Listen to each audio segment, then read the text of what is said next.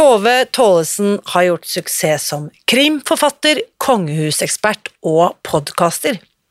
I dag gir hun deg en majestetisk oppskrift på hvordan du kan nå dine mål.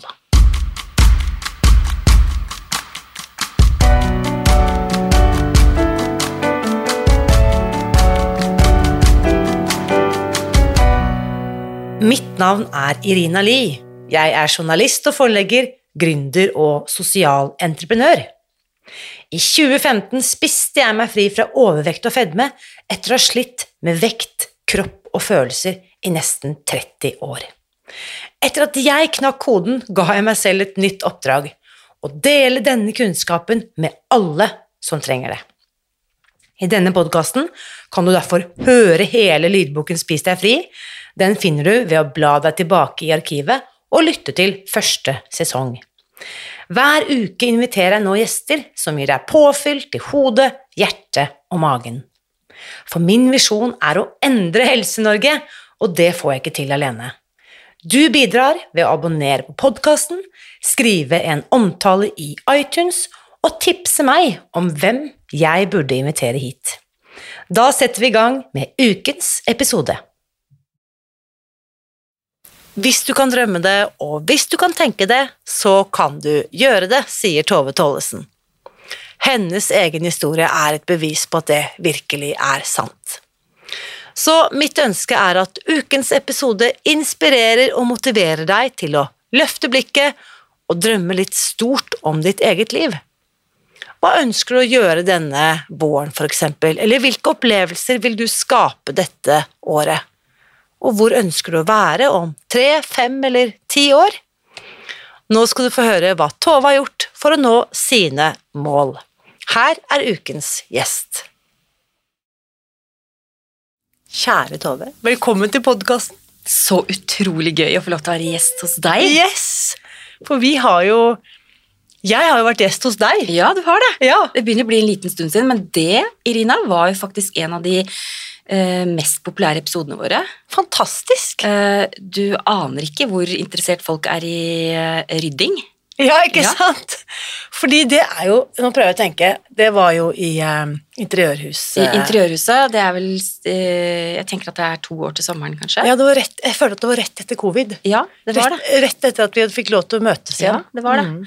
Eh, og det var da du var inne i denne ryddeperioden din. Stemmer det. 2020. Det må ha vært i 2021. Et, ja. et øyeblikk hvor det var åpent der. Ja, jeg tror det var det. Interiørhuset. Interiørhuset. Den episoden kan vi helt sikkert også legge ved link til. Men kjære Tove, du, du holder på med så mye spennende, og vi har kjent hverandre nå i Og vi, grunnen til at vi ble kjent, Ja, det er også litt morsomt, for det var at jeg var invitert på som gjest i podkasten til eh, Kjell Ola. Ja, stemmer. Det var det jo. Og så ble den spilt inn på Aker Brygge, Ja. og der var du. Ja. Og så kom vi i snakk. Ja, og han mente jo at vi eh, absolutt måtte eh, møtes, eh, fordi vi kom til å ha mye å snakke om, og det har han jo helt rett i. Det, det, har, det har vi jo eh, fortsatt. Eh, Og det er kanskje fem år siden, eller? eh, ja, det var i hvert fall lenge før korona. Det var lenge før korona.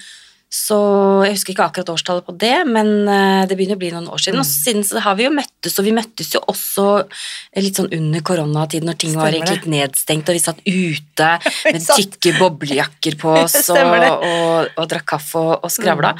Så eh, det er jo eh, alltid artig å mimre tilbake på hvordan man møtes. Så jeg har jo da gleden av å bli kjent med deg gjennom la oss si de siste fem årene, da. Mm, men for de som ikke kjenner deg, eh, Tove, hvor skal vi begynne? Født og oppvokst. Vil du ha hele den lange historien? Hvor, lang tid har vi egentlig? Eller skal jeg ta liksom highlightsene? vi, da? tar, vi tar highlightsene. Nei, altså jeg, eh, I eh, 2007 så ble jeg ansatt som Norges eh, første, eller faktisk verdens første kvinnelige lakei ved Det kongelige hoff. Eh, og jobbet jo der i over eh, ti år, som da Og det, et spørsmål jeg alltid får da, er liksom hva er en lakei? Og det lurte jo jeg også veldig på når eh, jeg kom på jobbintervju på Slottet. For jeg er fra Drammen og Konnerud, og det var få lakeier i mitt eh, nærområde. Så jeg søkte jo egentlig bare på den jobben fordi jeg tenkte at det kunne være veldig artig å komme på jobbintervju på Slottet. På selveste Det kongelige slott. Eh, og, det, eh, og hvorfor jeg starter med den historien, er jo også fordi at jeg tror det henger litt sammen med resten av det vi skal snakke om senere. Eh, det å følge drømmer og det å sette mål. og for meg så var det så enkelt at jeg syntes det hørtes gøy ut å komme på jobbintervju, og så kom jeg på fire jobbintervju, og det siste var hos dronningen. Og så fikk jeg jobben, og en lakei er jo å være en tjener for kongen og dronningen, og Det kongelige hoff har jo disse litt sånn gammeldagse, rare, tradisjonsrike titlene som knekt, eh, hoffintendant, hoffmarskalk og lakei. Og det er en sånn fin greie òg, tenker jeg, i forhold til at man bevarer også noe av det som har vært. Og så hadde jeg eh, ti fantastiske år på Slottet med utrolig flotte opplevelser i eh, helt unike omgivelser. Og veldig lærerikt. Eh, og, men etter hvert så fikk jeg et sånt behov for å gjøre andre ting. Og så er det sånn når man har vært et sted i ti, litt, altså over ti år, så er det kanskje nyttig å få litt nye utfordringer. Og, og, men jeg er veldig veldig takknemlig for at jeg fikk lov til å være tjener da, for kongen og dronningen. Mm. Og så har jeg jo skrevet eh, to krimbøker. Um, 'Dronningen og livvakten', og holder på med bok nummer eh, tre. Gøy. Eh, ja, det er veldig, veldig moro. Mm. Og det også var et sånn type prosjekt hvor jeg egentlig bare tenkte ja, men dette har jeg alltid hatt lyst til, eh, nå må jeg prøve å realisere den, den drømmen.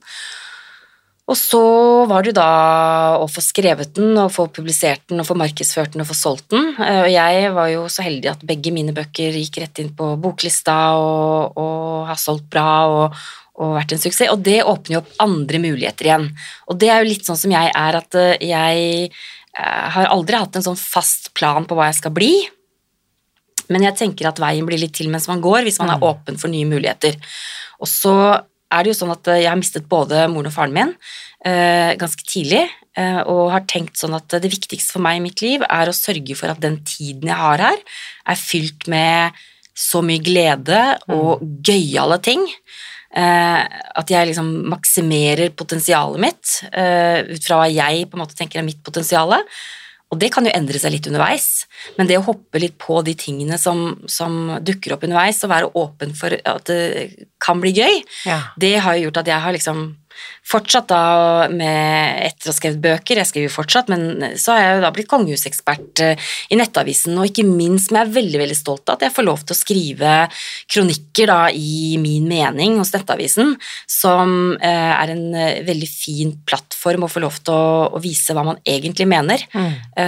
Ja, i en kanskje litt tabloid form, men allikevel at det er rom for at jeg kan få lov til å si det jeg mener.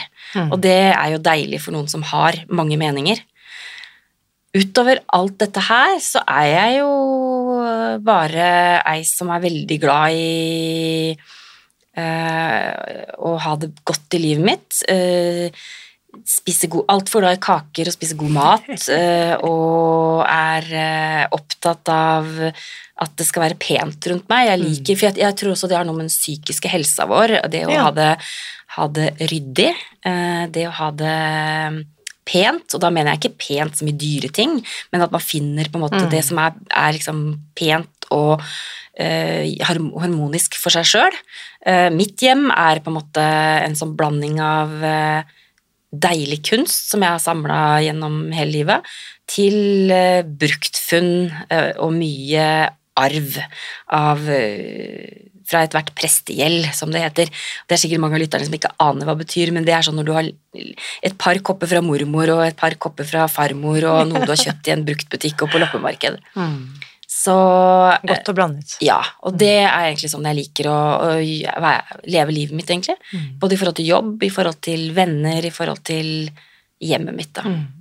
Og her bare noterer jeg meg at øh, du har en, altså, Vi har ikke snakket om det, men det må vi også bare sveipe innom.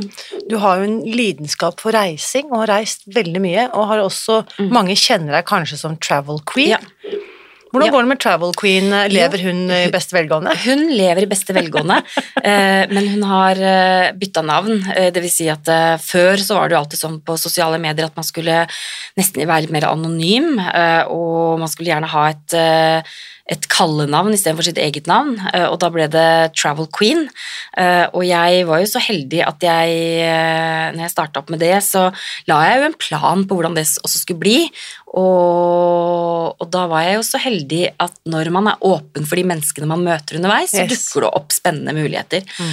Og da dukket det opp en mulighet hvor jeg fikk til, spørsmål om jeg hadde lyst til å være ambassadør for flyselskapet KLM. Eh, og det takker man jo ikke nei til. Nettopp. Eh, og da reiste jeg jo, dette var jo også før korona, Ja. så da reiste jeg jo verden rundt da, eh, og tok bilder og skrev tekster i sosiale medier, men også kampanjer for KLM. I tillegg så har jeg hatt mye samarbeid med andre type destinasjonsselskaper, og det gjør jeg fortsatt. Mm. Jeg har dessverre ikke KLM, så hvis KLM hører på det, så kan jeg jo bare melde min interesse for det, men, men jeg samarbeider jo fortsatt med altså sånn destinasjoner som Spania, Frankrike, Storbritannia, Danmark, og det får meg jo ut på reise, og senest eh, så var jeg jo eh, på Tenerife i februar, så det, Travel Queen lever under et annet navn. Nettopp. Tove Tollesen. Ja, nettopp. Rett og slett tatt tilbake til ditt eget. Ja, Så um, eh, merker meg der også at det er stort sett monarkier du reiser i da. Du, det var godt observert. Nå vil jeg jo også si det at er mine, hvis jeg skal si liksom favorittreisemålet mitt, så er det Vietnam. Ja. Eh, Jeg er eh, veldig bergtatt av, av, den kulturen, av landet, Ja. av maten, ikke minst. Åh, mat. deilige suppa, ikke sant. Mm. Det er bare Åh, det er så godt. Eh, og jeg er veldig glad i de karibiske øyene òg, da. Mm. Eksotisk nok. Eh, så det er ikke bare Men jeg er veldig opptatt av uh, kongehuset, uh, naturlig nok, siden jeg har jobbet der. Men jeg ble jo interessert i det før jeg begynte å jobbe for uh, kongen. Fordi det var jo når Diana skulle gifte seg med Charles, at, og da var jeg vel liten, og da satt jeg jo på Konnerud foran den TV-skjermen. Jeg husker jeg satt på gulvet, nistirra på den vakre eventyrprinsessen Mm. som gikk inn i, i kirken i den overdådige bløtkakekjolen. Hun var det vakreste jeg noen gang hadde sett i mitt liv. uh, og det gjorde jo at jeg ble veldig sånn fascinert for Storbritannia, og at London på en måte er et av de reisemålene jeg definitivt reiser mest til.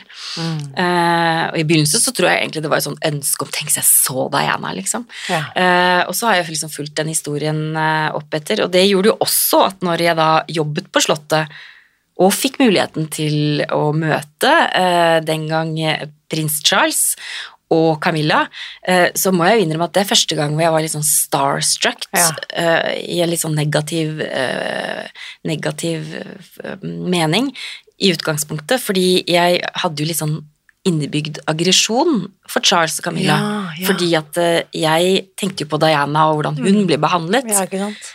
Men så er jo det to helt fantastiske mennesker, så når du Ja. møter dem og ser varmen og omsorgen og, og, og karismaen som begge de to har, så dypdykka jeg litt mer ned i den historien også, så det er jo alltid flere sider av en sak. Mm. Og det er jo en kjærlighetshistorie som egentlig er veldig trist at de ikke fikk lov til å leve seg ut på Med begynnelsen Charles? Ja. Mm. på begynnelsen av 80-tallet, Mm. så hadde man jo unngått en god del eh, tragedie for andre mennesker. Mm.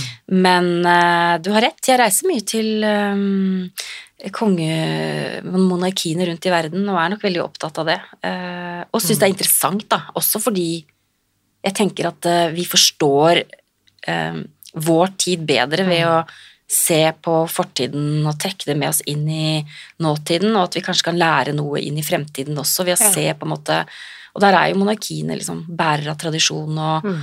og historie, og ikke minst kultur, da. For det er jo noe jeg brenner veldig for, og det kultur til folket, rett og slett. Ja, for det er jo også en side som kanskje ikke er så kjent, men du jobber jo også med kulturformidling i mange ulike Mm. settinger. Mm. Så det jeg syns er interessant, det jeg hører deg fortelle, er denne røde tråden, er nettopp at du følger lyst, Mm. nysgjerrighet og Mm. muligheter, Mm. og takker ja til de invitasjonene som dukker Mm. opp, altså kombinert med dine Ja. klare, spesifikke mål, da. Ja. Så mm, vi må jo bare nevne da, når denne episoden spilles inn, og det er da bare noen dager før den publiseres, Mm. så har du akkurat lansert en ny podkast. Ja. Du har fortsatt Interiørhuset Ja, det har jeg. sammen med Ja. Marianne. Absolutt, i beste velgående. Ja. Eh, og det er et kjempespennende samarbeid som kommer til å fortsette. Og det er jo om interiør og reise. Yes. Men nå har du lansert Ja. Din egen podkast som heter Audiens. Ja. Fortell om den. Ja. Vi hører jo her at det ligger noe majestetisk over dette. Ja, det er jo en kongepodkast. En kongepod. Ja, det er en kongepod. Eh, hvor jeg inviterer inn eh, syv kjente profiler eh, inn til audiens hos meg. Eh, og audiens er jo en eh, samtale. Man får Det er jo kongen Man kan jo be om å få audiens på Slottet, og i gamle dager så var det jo sånn at eh, da stilte man seg opp i kø på utsiden av eh, Det kongelige slott eh, på morgenen, gjerne så tidlig som overhodet mulig for å komme først i køen, og så sto man og ventet på tur, eh, og det kunne gå eh, dagevis før det blei din tur, eh, men eh, der var det norske folket veldig tålmodig, fordi man, og det er jo for at man har et budskap og man ønsker å komme til kongen og fortelle om det. Så har man en privat uh, samtale med, med, gjennom med, altså under fire øyne, hvor, eh, hvor man kan snakke med kongen om absolutt hva som helst. Men er, hva, altså, når var det dette Når var det det var sånn? Ja, det var jo da er vi tilbake på 1800-tallet? vi er, på, vi er eh, på slutten av 18, altså før 1905 og før, før vårt uh, kongehus, da. Ja. Eller vår kongefamilie. Ja. Så da sto folk der Ja. i dagevis? ja, da sto de i dagevis, for det kunne jo være noen ganger så var det Folk kom jo fra hele, hele Norge. Og det er jo også en av grunnene til at fugleværelset, som da er det venteværelset før kongens kontor, at det er malt eh, på den, for det er jo et veldig gjenkjennelig rom som absolutt alle lytterne eh, har sett på bilde eller på TV, eller til og med kanskje sett det på åpent slott hvis man har vært på omvisning. Det er jo da hvor eh, maleren Johannes Flinto har malt eh, veggene eh, for at de som sitter og venter og er nervøse, som skal inn til kongen, kan kjenne seg igjen i norsk natur. Og da ser man jo disse mm, gjenkjennelige natur, altså fjellene og skogen som vi, vi har, da. Og da, da kan man sitte der og, og bli trygg, for da er man nesten som man er hjemme i bygda si, da. Man kan se på Gaustatoppen, ikke sant. Kommer du, da har du gått, det kommet deg hele veien fra, fra Tinn, da, eller på Rjukan, og så har du kommet deg til hovedstaden, og så sitter du på venteværelset, og det er din tur neste gang, og da ser du Gaustatoppen som er malt. Da blir du rolig inni deg. Utrolig. Eh, nå I min podkast har jeg verken fugleværelse, eh, og jeg kan jo heller ikke love gjestene mine at det er under fire øyne, fordi det er det definitivt ikke. For eh, det ligger ute to episoder nå, eh, og begge to har jo blitt hørt av veldig, veldig, og sett av veldig, veldig mange mennesker. Ok. Og første episoden eh, handler jo om kongelig vennskap. Ja, og der inviterte du Unni Askeland. Ja, som er en god venninne av meg, eh, og som også er farm, har vært Farmen-aktuell det siste halve året. Eh, og Unni byr på seg selv. Eh, hun og jeg møttes jo første gang på Slottet. Eh, Unni mener at jeg skjenket henne eh, med hvitvin. Det vil jeg, jeg har egentlig Ingen kommentar. Ingen kommentar ja. Men eh, vi deler jo vennskapet med Ari, eh, og Ari var jo Unis bestevenn, eh, så vi snakker mye om det å være venn av noen som gifter seg inn i en kongefamilie. Vi snakker om både vennskapet før og under og etter, eh, etter eh, prinsessen. Eh, og Unni er jo en ærlig og, og artig dame, Mm. så den kan jeg virkelig anbefale. Og så hadde vi jo en episode nå med kongen av eiendomsmegling, Andreas Holk, som, som jeg tok med inn i studio for å gjøre en befaring og prisvurdering og finne kjøper til noen av kongens hus.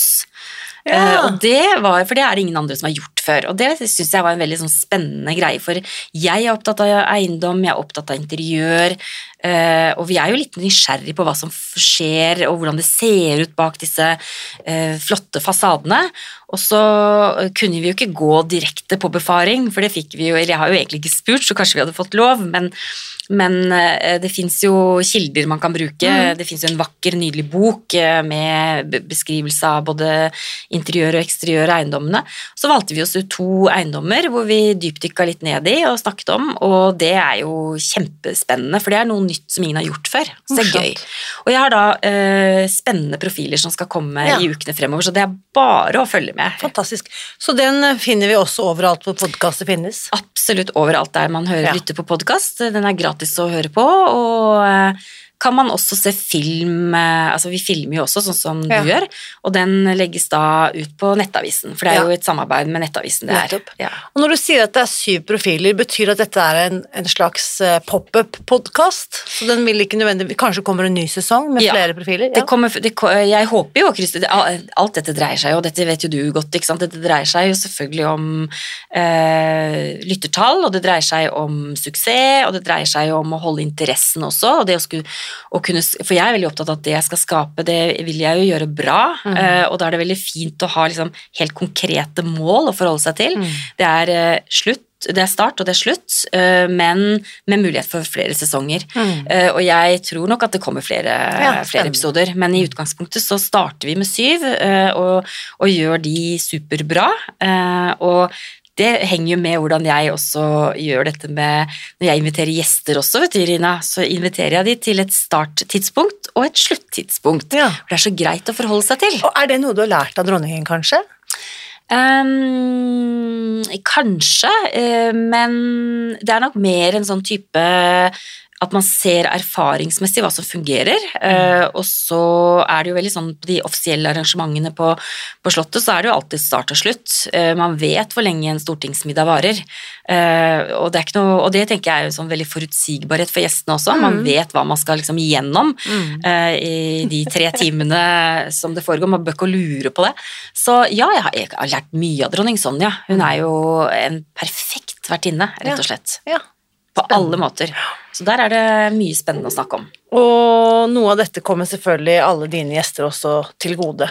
Når du også kan ta imot dem med alle denne vertinnekunnskapen. Ja, jeg håper jo det. Eh, Da må du nesten snakke med noen av gjestene mine, Ja. men i hvert fall i podkasten, på disse syv profilene, så, så har jeg selvfølgelig med mitt eget servise som jeg serverer kaffe i, fordi eh, nå er det ikke til forkleinelse for din kaffe, altså, for den var kjempegod, men jeg har jo selvfølgelig med meg en eh, kaffe med en, kaffekopp med en skål under. Det er bare litt sånn for at jeg er litt jeg, altså, jeg, vet, jeg vil jo ikke si at jeg er jålete og snobbete, men jeg, jeg liker jo å ha litt sånn finesse rundt det jeg gjør, da. Ja. Mm. Det skal liksom være på en måte Det, det skal være annerledes på, din podkast og en kongepodkast, tenker Ja. jeg. Mm, det hører liksom litt med. Ja, men jeg helt, eh, liker det. Og da hadde jeg lyst til å pense inn på det som vi også, som du nevnte så vidt? Mm. Hvordan dette her, hvordan, hvilke teknikker og verktøy du bruker nettopp for å sette deg mål, gjennomføre mål, jobbe med mål, hvordan du liksom setter opp disse store visjonene, eller jeg, skjønner at alt har ikke vært planlagt fra dag én, fra pikeværelset på Konnerud, men det er en del ting her. La oss se litt sånn, bryte det ned. Mm. Jeg spurte deg da vi snakket sammen her forleden om du mediterer, og da sa du nei, jeg kan ikke si at jeg gjør det, men jeg føler likevel at det er noe her Ja. som kanskje kan, noen av oss Ja. kan eh, assosiere med meditasjon. Kan du si litt om teknikkene du bruker, Tove, hvordan du gjør det? Jeg har nok alltid fra jeg var veldig, veldig liten, vært, øh, vært eh, litt drømmende Ja. eh, og har hatt en eh, veldig stor fantasi, som eksempel at eh, når jeg var liten, og egentlig ganske til jeg ble ikke altså i hvert fall til jeg ble kanskje sånn ti år, så hadde jeg jo en fantasivenn som jeg eh, helt definitivt eh, mener sjøl eksisterte, da. Eh, og så skal vi ikke gå inn i den diskusjonen om hva det var, eller Jeg skal ikke liksom påberope meg at jeg liksom er synsk, eller at det er noe sånt, sånt noe. Jeg tror bare det er en, en velutviklet sans for fantasi, og ikke minst eh, det å ha, ha noen å sparre med uh, inni hodet. Uh, og det har jeg jo, sånn er jeg jo så, som person, at jeg tenker mye, jeg drømmer mye, og jeg visual... Jeg trodde jo egentlig helt til for veldig kort tid siden at alle tenkte på en måte i film, da. Ja. At alle liksom eh, Det høres så fryktelig naivt ut, men eh, jeg har liksom trodd at både du og jeg og alle eh, gikk rundt og spilte film inn i hodet hele tiden. Eh, Men det har jeg forstått at det gjør vi jo ikke. Eh, Vi tenker på forskjellige måter. Mens jeg har jo sånn spillefilm inn i hodet mitt hele tiden. Og når jeg skriver bøker, eksempel, så, så ser jeg karakterene veldig levende for meg. Eh, når jeg skulle hit i dag, på vei hit, så eh, eh, visualiserer jeg jo da hvordan denne samtalen skal være. Jeg ser for meg hvordan du sitter, hvordan jeg sitter, hvordan på en måte det hele kommer til å utspille seg. Og så blir det jo aldri sånn som 100% sånn som jeg tenker, men, men det er jo en teknikk for å gjøre forberedelser. Det er en teknikk for å, for å tenke ut potensielle muligheter. Eh, For jeg er ikke så veldig opptatt av farer og ting som er skummelt og sånne ting. Jeg er mer opptatt av hvordan kan man utvikle potensialet i det man skal gjøre. Så jeg tror at det egentlig er en sånn type teknikk da, som du egentlig For jeg måtte tenke litt på det.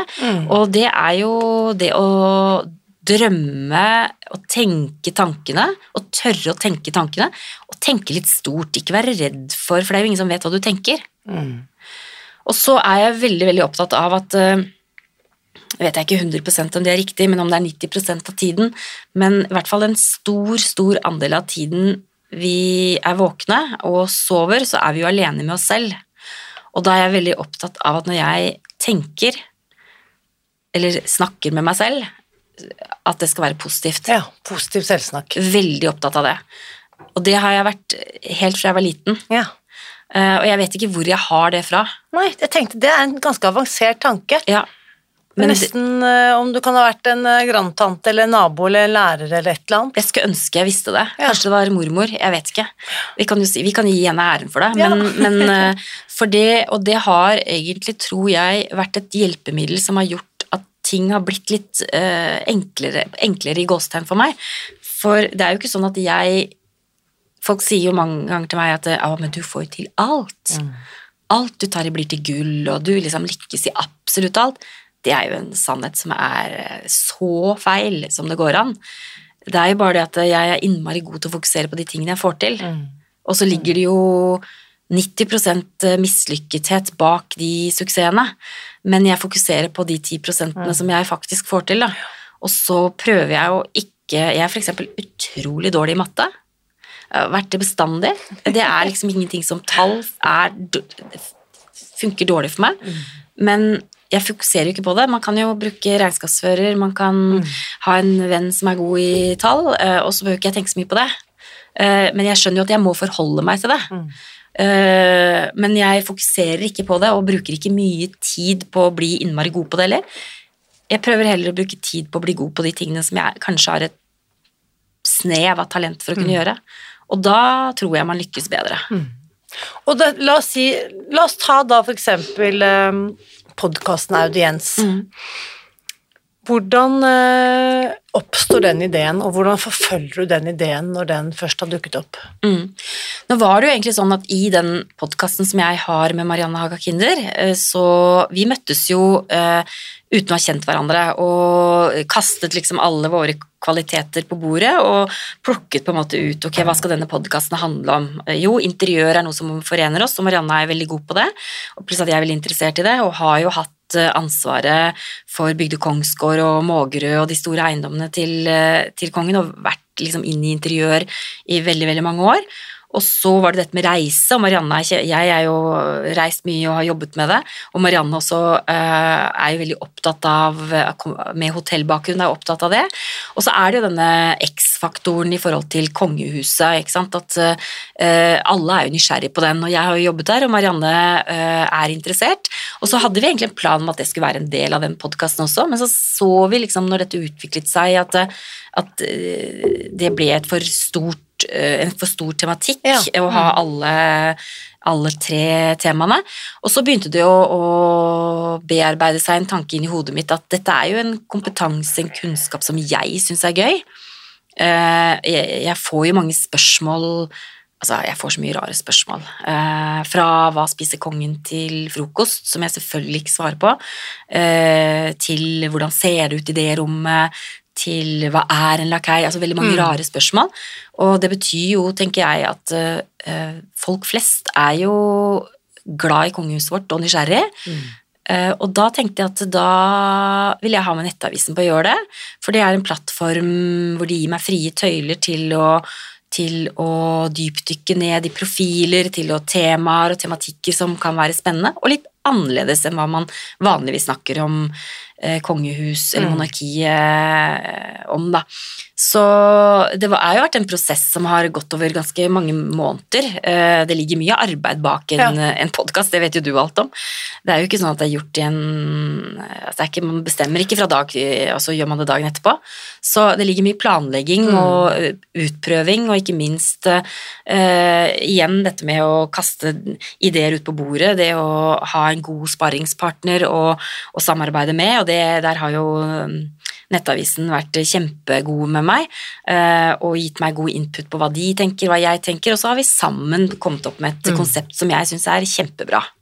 Og det er gøy at du sier, fordi at eh, det er ikke alltid gitt hvordan, altså hvilke ideer som plukkes ned, ikke sant? Eh, jeg tror jo også at ideer er noe som, la oss si, svever, altså i det noen har tenkt det, så finnes det i, Ja. i Mm. hva skal vi si, i eteren. Absolutt. Eh, Er du med på tanken? Og, Slik ja. at eh, det er jo også noen ting i tiden. Liksom, du er jo tett på pulsen med, med den bakgrunnen du har Mm. hatt, og alle de spørsmålene Mm. du har fått. Og så er det også interessant at det blir på en måte et litt sånn overskuddsmateriale fra interiørhuset. Ting som ikke passet inn Mm. der, men som kan få blomstre og komme til sin fulle rett i sin egen podkast. Som er noe positivt, ikke sant? Absolutt. Mm. Og det eh, får meg jo tilbake til det opprinnelige spørsmålet ditt om hvordan, ikke sant, dette med meditasjon og hvordan jeg Ja. jobber, og jeg er nok mye Istedenfor å kalle det meditasjon, så er nok jeg mye mer opptatt av å sette mål, og det er altså at kan man drømme det, kan man tenke det, eh, så kan man gjøre det. Og så tenker jeg sånn, hvis jeg kan gjøre det, så kan alle lytterne som hører på denne podkasten, gjøre det. For det dreier seg om å være engasjert og dedikert til det man skal gjøre. For sånn er det jo hvis du setter deg et mål, så må du ofre noe for å komme Mm. dit.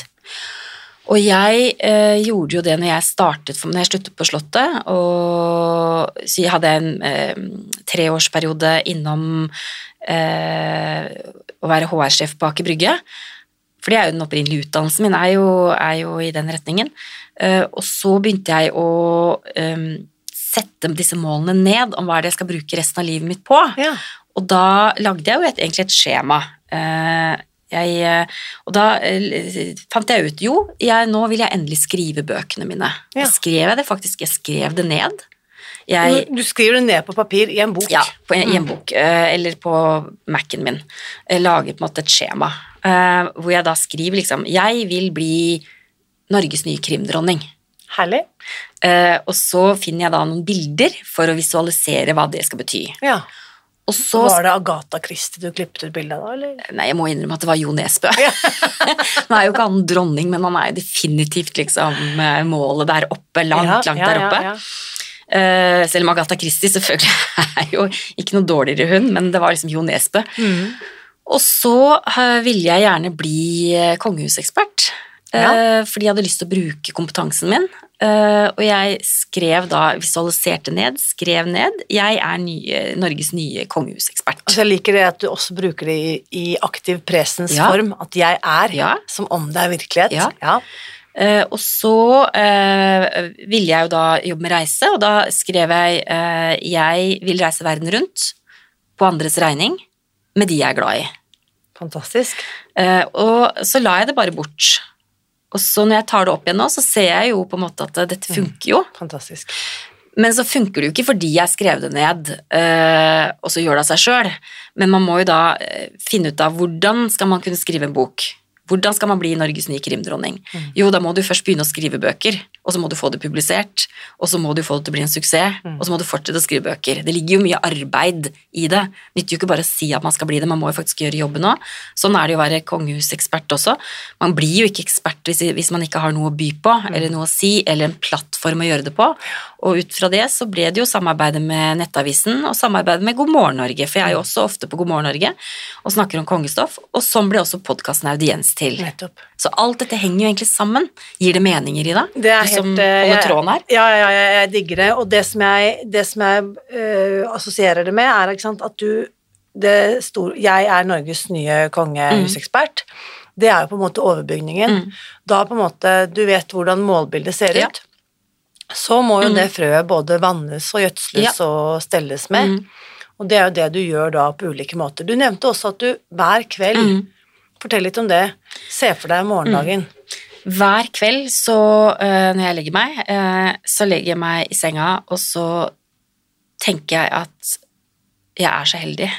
Fordi at jeg bor i Norge, fordi jeg har hatt de foreldrene jeg har hatt, og hatt det utgangspunktet jeg har hatt, eh, og at jeg faktisk kan ligge i min egen seng, i min egen leilighet, i indrefileten av Oslo, på Tjuvholmen, og at jeg har betalt for det selv, og at jeg har klart på en måte å ordne opp i livet mitt på egen hånd, det er jeg veldig stolt av. Mm. Og, og jeg sender liksom sånn takknemlige tanker til alle jeg har møtt på veien som har gjort det mulig. Og så eh, tenker jeg alltid på hva er det som skal skje i morgen, eh, hva skal skje denne uka, og hva er det jeg må fokusere på, og Ja. hvordan, skal jeg, hvordan skal jeg sørge for at det blir best mulig dager. For det er jo noen dager som er dårlige for meg òg. Det er jo ikke sånn at vi alle våkner opp og er sånn superfreshe, liksom. Føler meg litt øh, ikke superfresh i dag, for eksempel, etter en litt tøff dag i går. Men, men øh, det dreier seg om å liksom fokusere, på de, fokusere på oppgavene, kanskje. Og så eh, bestemmer jeg meg for hvordan det skal bli. Så i går kveld, når jeg la meg, så eh, hadde jeg sjekka kalenderen min. Hva er det jeg skal gjøre i dag? Jo, jeg skal møte Irina. For det første blir det veldig hyggelig å møte deg. Eh, vi skal mimre litt, og så skal vi lage en podkast som skal være veldig god. Og i den podkasten så har jeg lyst til at mitt etterlatte inntrykk skal være at jeg i hvert fall ikke er snobbete, men at jeg er eh, noen som går veien mens den blir til. Ja. For det syns jeg egentlig er ganske fint. For det tror jeg veldig mange kan kjenne seg litt igjen i, og at ikke vi skal ha så innmari sånne høye skuldre, flink pike, flink pike Hva heter det? Syndrom. Syndrom, Ja, ikke sant? Og at vi må akseptere at eh, veien blir litt annerledes enn hva vi i utgangspunktet hadde sett for oss. Og det blir jo denne podkasten nå. Mm. Så det gjør jeg hver kveld. ja. Se for deg morgendagens to do-liste, Ja.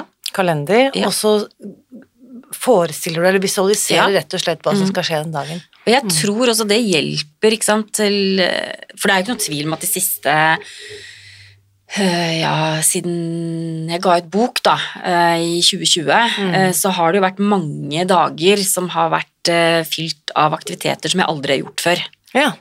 Som har vært ganske skummelt. Det å f.eks. være på God morgen Norge første gang, kjempeskummelt. Hadde aldri vært på TV før. Eh, Det å være i eh, NRK eh, radiostudio, kjempeskummelt. Det å være på NRK Debatten, altså kjempeskummelt. Å lage podkast, kjempeskummelt. Det er mye som er skummelt der ute.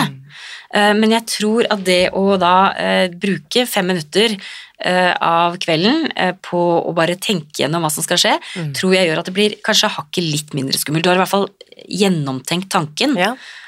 og så eh, gjør at det blir kanskje litt lettere å stå i det. Mm. For det er jo sånn at fortsatt hos meg så er det jo eh, mye sommerfugler i magen hvis man skal på direktesending eh, eller i en podkast. Det, det, det foregår mye aktivitet eh, innvendig. Eh, Men jeg lener meg veldig til da å være godt forberedt. Jo, det som jeg også tenker at jeg kjenner meg veldig igjen i det du sier, og det jeg også lener meg på, det er at eh, jeg har gjort kjempeskumle ting mange ganger før, Mm. og det har alltid gått bra. Ja, det har jo, vi er jo her, så det har stort sett gått bra. Det har jo gått bra. Ja, altså, hadde det Ja. ikke gått bra, så hadde det ikke vært her. Ja. Så det um... Og så jobber jeg jo selvfølgelig litt med meg selv i forhold til det å få kritikk da, for det man gjør. For det er jo litt sånn når man stikker nesa si frem, Ja. da, eh, så får man anmeldelser på bøkene sine. Mm. Ikke sant? Man får, eh, hvis man er heldig, da, så får man en bokanmeldelse i hvert fall. Eh, og man får tilbakemelding på sosiale medier, og i hvert fall når man stikker nesa si ut og, og er kongehusekspert og har meninger om kongehuset, og så er det jo mange andre som også har meninger om det, og det er jo kommentarfelt hvor mange kommenterer på ting. Og da er det jo det å lære seg til at det er jo egentlig bra om folk kritiserer. For det betyr jo at de i hvert fall er engasjert, da. De bryr seg. Mm. Det er jo en fordel. Det er en kjempefordel. Og Men det også er jo noe man må liksom jobbe litt med seg selv med. Mm. Og det også går jo litt inn i den teknikken igjen, ikke sant? at man må bare akseptere ting, ikke, og la ting gå, og fortsette på sin egen vei. Og når du har en plan, så er det mye lettere. Så det er lurt. Ja. Vil du si litt nå om For dette veldig mange av de målene du satte deg Mm. og staket deg ut. Ikke sant? Du sluttet på Slottet i 2017-2018. Ja. Eh, Du har jo nådd veldig mange av målene Mm. du staket deg ut den gang. Mm. Hvordan ser eh, veien videre ut? Er det Har du lyst til å si noe om det? Ja, eh, jeg pleier jo En annen ting da, Irina, som jeg også tenkte jeg kunne dele med, var jo at hver nyttårsaften Ja. så skriver jeg brev til meg selv. Det har jeg Oi. gjort siden jeg var eh, 20 år. Så, Som du skal åpne året etter, eller? Mhm.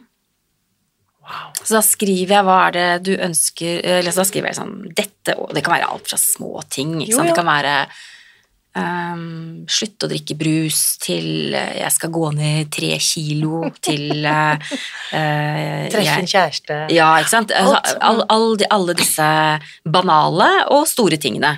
Og så limer jeg den konvolutten, og så putter jeg den i en skuff, og så tenker jeg ikke så veldig mye på det egentlig gjennom året, for jeg åpner den jo ikke opp før da et år etterpå, tolv måneder etterpå, og så er det jo utrolig, og det håper jeg noen av lytterne tar den ideen, eh, og gjør det, for eh, det kan jo, det bør jo ikke være på nyttårsaften, det kan også være på bursdagen din, eller en eller annen merkedag, og så eh, får man en veldig overraskelse, fordi jeg tror nemlig at underbevisstheten jobber med de målene uten at du selv egentlig tenker så nøye på de. Yes. Så det er en veldig, et godt uh, gratis tips fra meg i dag. Gøy. Og hva da, når du sto på nyttårsaften Ja. eh, 31. desember 2023, hva, Mm. hva skrev du i det brevet? Da skrev jeg at jeg skal lage en eh, kongepodkast som skal bli en stor suksess, som det skal bli sesong på sesong på sesong av. Uh, og det er jeg jo i gang med nå. Mm Eh, Det var jo ikke så veldig overraskende heller kanskje nyttårsaften at jeg skulle gjøre det, men det er jo også noe med Man vet aldri med sånne prosjekter, for Nei, ting kan bli trukket ut i siste liten. Og så har jeg et mål om å gi ut en eh, Jeg jobber jo selvsagt med bok nummer tre på, i denne serien om eh, Tormod Beyer, eh, som er da bok nummer tre av Etter dronningen og livvakten. Jeg må bare si at Dronningen leste jeg med en Ja. gang den kom, Ja. og det jeg tenkte når jeg leste den, det er altså Jeg fikk altså assosiasjoner til, hold deg fast, Ja. Dan Brown. Altså gøy! Ja, Ja. det er et kjempekompliment, for at det, han er Ja. jo helt rå. Ja, Og jeg så for meg, det er morsomt at du snakker om hvordan du ser for deg ting som en spillefilm, også åpenbart når du skriver, for det var en veldig visuell bok. Jeg ble så revet med i Altså, det var så filmatisk skrevet. Så jeg, for meg er det helt åpenbart at det må bli film. Og det var jo litt artig at du det ble, Nå ble det en veldig smidig overgang okay. til punkt nummer to Ja. i det brevet, for der står det at uh, dronningen Jeg vil at uh, dronningen skal bli TV-serie. Ja, den Det er målet mitt for uh, 2024. Så, eh, så får vi se når man kaster ting ut på en måte i Yes. liksom, universet, så får man jo se om det er noen som plukker det opp. Og så har jeg også skrevet at jeg egentlig skulle, skulle jobbe litt mindre, men det, det, det skjønner jeg at ikke fungerer. For det er jo ikke sånn, det var, jeg vet ikke, det må ha vært det. Jeg måtte ha hatt et litt dårlig øyeblikk på nyttårsaften, for det passer jo ikke inn i min personlighet. Jeg elsker jo å jobbe, så, så jeg, jeg vet at ikke det kommer til å, å være. Men jeg har alltid på en måte, det er liksom noe som er sånn ongoing i alle disse brevene, i hvert fall de siste, kanskje siden 2015 kanskje, så er det jeg vil tjene penger når jeg ligger og sover. Ja. Ja. Men det gjør du nå, når, du, når du selger bøker Ja. og ikke sant? Ja. det kommer annonseinntekter på podkasten, Ja. så jo det, skjer jo det også mens Ja. du sover. Ikke sant? Så jeg tror at øh, å lage et sånt brev, øh, det tror jeg øh, veldig mange kan ha glede av. Mm. Og så får man jo litt sånn artig jeg, tar ikke, jeg, jeg har ikke tatt vare på mine brev, og det er kanskje litt dumt. For jeg har egentlig bare brent de etterpå. Oh, ja. Eh, og jeg vet ikke hvorfor jeg begynte med det, men det har jeg liksom gjort hvert år. Men jeg, jeg, jeg tenker jo kanskje at hvis noen av lytterne tenker at dette kan være en god idé, så er det jo kanskje artig å kunne hatt det for ettertiden Ja. nå, for å kunne se utvikling. Eh, det tror jeg. Det er morsomt at du sier, for i 2009, så jeg var ikke like tidlig ute som deg, men i 2009 så begynte jeg en gang, og det, det var tilfeldigvis i juni da, første gang jeg gjorde Ja. det, så arrangerte jeg det jeg kaller et årsmøte med meg selv. Ja! Så innen utgangen av juni så har jeg satt opp da en, en dobbeltside i notatboken min med mål, ønsker Ja. for året som kommer. Det kan være alt sånn som du mm. sier, liksom, skrive en bok, mm. eh, eh, eller eh, ta en yoga-lærerutdanning, Mhm. eh, eh, masse, både relasjoner til barna mine, mm. helsen min, kropp, mat, alt mulig ja. rart. stort og smått, Mm. kastet i hverandre, og skrevet da et referat fra det årsmøtet, Mm. som en sånn vision board, da. Mm. Et sånt tankekart. Mm. Og de har jeg faktisk tilbake til 2009. Og det er helt fantastisk. Og det er jo kjempefascinerende å bla i de bøkene Ja. og se alt er, Ja. så å si alt er blitt Ja. realisert. Jeg er veldig troen på det du sier, i det vi har definert det med ord, Mm. og når vi skriver det, så har vi også tenkt det, så er det på en Mm. måte allerede skapt Mm. i vårt indre, og da er det egentlig bare snakk om å ta det ut Det er i det. virkeligheten. Det er det. Og det er et ganske sånn kraftfullt eh, verktøy som eh, er jo gratis. Helt gratis. Så det er jo bare at eh, man må gjøre jobben med å bestemme seg for hva man vil. Sett av den tiden, Ja. og det er ikke snakk om lenge heller, man trenger å gjøre det. det er, Nei, det er jo egentlig ikke det. Det var gøy. Også. Ja, ikke sant. Og så eh, tenker jeg sånn, det er gratis, eh, men det som er vanskelig med det, for det tenker jeg jo at vi også kan snakke om, det er jo det å Når man da sitter på dette årsmøtet med seg selv eh, og har den notatboka foran seg, eller sitter med dette brevet og skal notere ned, så må du ta noen valg. Mm. Ikke sant? For du kan, jo ikke, du kan jo ikke skrive ned alt, eh, for sånn er jo Du snakker mest med deg selv, som vi har snakket om tidligere, eh, og det foregår jo mye oppi hjernen, og for å kunne nå målene, så må du ta noen valg med de målene, for du klarer jo ikke alle på en gang. Nettopp. Det er det ingen som klarer. Ikke de beste i hele verden klarer det. Og det er jo der jeg tror veldig mange har eh, kom, altså stopper, da. Fordi det er så vanskelig å bestemme seg for skal jeg velge å gå ned ti kilo neste år, eller skal jeg velge å trene, eller skal jeg Mm. velge å eh, bytte karriere, eller skal jeg velge å gå fra kjæresten min? Mm. Ikke sant? Det, er, det, er, store, viktige valg, og man klarer ikke alt på en gang, så må man liksom lage en prioriteringsliste. Mm. Og det eh, Jeg vet ikke hvordan du opplever det. Nei, altså Det jeg gjør der, er at um, For jeg ser jo da på da fjorårets referat når jeg Mhm. kommer da til juni igjen. Det er så bra. Fjorårets referat. Ja, og da, og da ser jeg jo liksom hva er det som renner Ja. over fra Ja. året som har gått. Og så ser jeg at ja, men det der var jo egentlig ikke så veldig viktig Nei, for meg. ikke sant? Så det bare la jeg fare med, med året som har gått. Mm. Mens det som fortsatt står igjen, så Mhm. Mariam, jeg vil veldig gjerne ta den yogalærerutdanningen, så tar jeg med meg det over i årets referat, da. Ikke sant? Og, og drømmer Lurt. og ønsker for neste år. Kjempesmart. Så jeg bare pøser på, jeg. mm. Og så plukker det. plukker jeg med meg det som er overskudd fra i fjor, som jeg ikke fikk realisert ennå. Ja. Så tar jeg det med meg videre. For noen ting tar det mer Ja. enn et år å få til. Ja, og jeg likte veldig godt det du sa da, at du, du ser liksom på overskuddet, og så er det faktisk noe av det du kan forkaste. Ja. Og det er jo veldig lurt å gjøre. For, så, Ja. For det også igjen er jo det der å ikke liksom fokusere på det som er viktig eller i, man ikke er god på. Ikke sant? Det henger litt sammen med det. også. man bare kvitter seg med ting. Veldig lurt. Men da vil jeg bare si at eh, da gleder jeg meg til at Dronningen blir TV-serie, fordi at det, det trenger den. Så hyggelig. da skal jeg faktisk begynne å se på TV igjen, når den kommer. ja. ja, bra! Herlig. Så um, det vi eh, helt til slutt ikke har snakket om denne uken, men ehm, dette spilles jo inn på skuddårsdagen, og as we speak så er jo da kongen innlagt på sykehuset i Mm. Malaysia. Ja. Men det har du uttalt deg om i så mange andre medier, Mm. at de som er interessert i å følge det Mm. minutt for minutt, det finner de. De kan finne deg, Ja. og mer om dette eh, på annet Nettavisen. Ja, og jeg har veldig, veldig lyst til å bare kaste ut et par setninger om, om det. Eh, For jeg tenker jo at det er fantastisk at vi har en konge som er 87 år gammel og følger sine drømmer Ja. om å reise og drar til Malaysia. eh, Helt sikkert i samråd med sine leger og sin familie om hva som er lurt og klokt, eh, og velger å gjøre det, så tenker jeg at det er en bra konge, det. Fantastisk. Mm. Så med det sagt så vil jeg bare si et, eh, gi deg en rojal takk fra hele meg. Takk for at jeg fikk være her. Det er en glede å snakke med deg. Fantastisk. Takk for i dag, Tove. Takk. Nå lurer jeg på, hva tenker du etter å ha hørt min samtale med Tove i dag?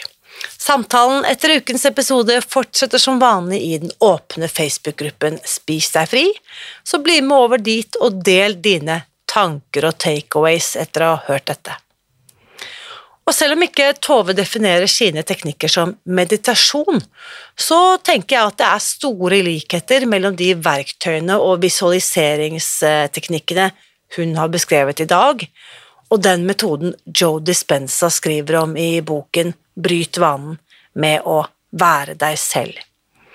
Så hvis du vil dykke dypere inn i dette temaet og finne ut hva som er mulig å få til når du endrer dine tanker, så har jeg en god nyhet til deg. Jeg har nemlig bestemt meg for å forlenge lanseringstilbudet for boken Bryt vanen med å være deg selv, hvor en av verdens fremste meditasjonslærere, Joe Dispenza, viser deg hvordan du kan ta større kontroll over dine egne tanker og dermed også ditt eget liv. Du finner boken i alle landets bokhandlere, eller du kan bestille den ved å gå til spisdegfri.no – bryt vanen. Og hvis du kjøper boken Bryt vanen med å være deg selv, enten du bestiller den på nett ved å gå til spisdegfri.no – bryt vanen, eller kjøper boken fysisk i en bokhandel, og sender kvitteringen for ditt bokkjøp til irina.krøllalfa.irinali.no, så gir jeg deg tilgang til den lukkede Facebook-gruppen Bryt vanen helt gratis.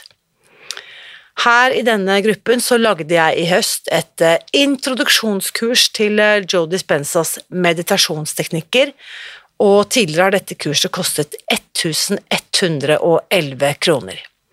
Dette kurset får du nå som en gratis bok, eh, bonus ved å kjøpe boken og sende din kvittering til Irina krøllalfa irinali.no.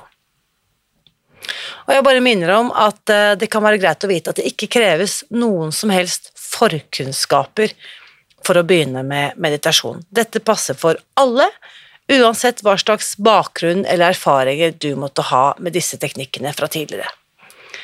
Det eneste du risikerer altså, det er at du finner noen teknikker som kan skape store positive ringvirkninger i ditt liv, sånn som Tove fortalte om i dag. Husk også, uansett hvilke tanker du velger å tenke, så vit at jeg heier på deg. Alltid.